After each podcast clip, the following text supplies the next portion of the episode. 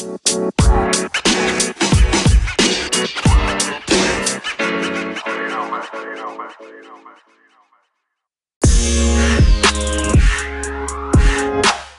yang akan saya sampaikan adalah sebetulnya materi yang ada dalam eh, apa namanya materi eh, go apa namanya eh, micro learning itu eh, tema kuliahnya kuliah online ini adalah financial crisis and disruption.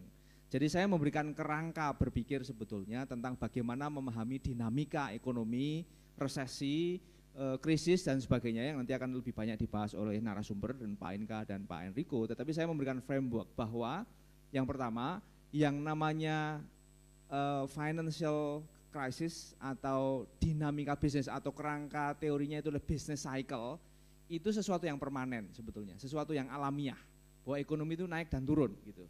Nah, menjadi soal adalah ketika penurunan itu terlalu tajam dan memberi implikasi yang negatif bagi bagi ekonomi itu yang perlu diantisipasi, perlu dikelola, perlu dikenali dan sebagainya. Nah itu satu tema pertama yang ingin saya sampaikan dalam uh, micro learning, modulnya sudah bisa dinikmati setelah ini gitu ya. Yang kedua adalah bahwa dalam cycle bisnis yang turun itu biasanya terjadi inovasi-inovasi tertentu. Kalau kita lihat hari ini itu uh, penggunaan teknologi itu menjadi sangat intensif, ada industri 4.0 dan sebagainya. Itu kalau kita lihat, kita perhatikan itu munculnya adalah setelah krisis 2007-2008.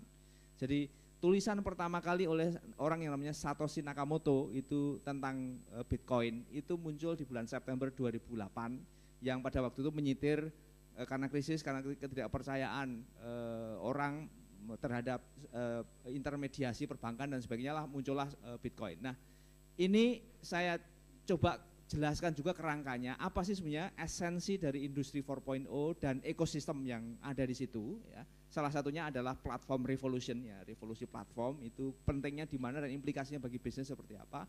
Dan tema ketiga adalah bagaimana peranan blockchain dan cryptocurrency dalam ekonomi ke depan. Jadi inilah tiga tema yang uh, saya tawarkan untuk nanti dibahas dan dikupas dalam talk series berikutnya.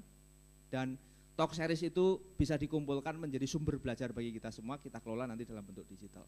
Nah, secara lebih khusus terkait dengan tema yang hari ini kita mau bahas soal bagaimana kita mengantisipasi risiko krisis di 2020 yang banyak pengamat, banyak tulisan itu mulai melihat ada gejala. Jadi sebetulnya yang namanya resiko itu tetap resiko. Artinya belum pasti terjadi. Kalau ditanya apakah terjadi uh, resesi 2020 pasti terjadi, jawabannya pasti tidak tahu gitu karena itu resiko. Uh, yang namanya resiko itu pasti tidak tidak tidak pasti gitu.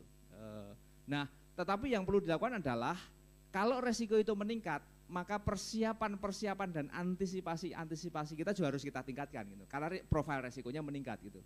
Nah, saya mendefinisikan ada tiga hal yang kalau resesi ekonomi global 2020 itu terjadi, itu akan punya dampak pada kita. Yang pertama adalah tentu saja dampak langsungnya itu adalah yang disebut sebagai spillover effect. Jadi efek yang muncul e, seketika masuknya lewat financial channels, biasanya lalu terjadi uh, depresiasi nilai tukar, kemudian eh, capital outflow dan sebagainya itu adalah spillover effect kalau terjadi gejolak di uh, secara global. Itu yang pertama. Itu harus dimitigasi dan harus diantisipasi. Lalu apa yang harus dilakukan ketika itu terjadi gitu. Tentu saja instrumen kebijakan yang siap untuk mengantisipasi itu adalah suku bunga karena kalau ada pelarian modal, ada depresiasi nilai tukar, suku bunga dimainkan lagi, dinaikkan lagi gitu. Sekarang ini trennya turun gitu. Nah, yang berikutnya adalah dampak kalau terjadi resesi itu pasti permintaan global turun, harga komoditas turun, itu memberikan efek atau pukulan yang sifatnya cyclical. Jadi cyclical effect itu biasanya ekspor kita akan turun, melemah dan sekarang sudah terjadi sehingga diperlukan dan penerimaan pajak kita menurun, menurun dan sebagainya sehingga yang diperlukan memang instrumennya adalah instrumen fiskal gitu, relaksasi terhadap e, beberapa aktivitas yang berorientasi ekspor, lalu memitigasi impor supaya tidak terlalu tinggi dan sebagainya, itu e, arah yang bisa dilakukan. Nah, dampak yang ketiga adalah dampak yang sifatnya itu struktural.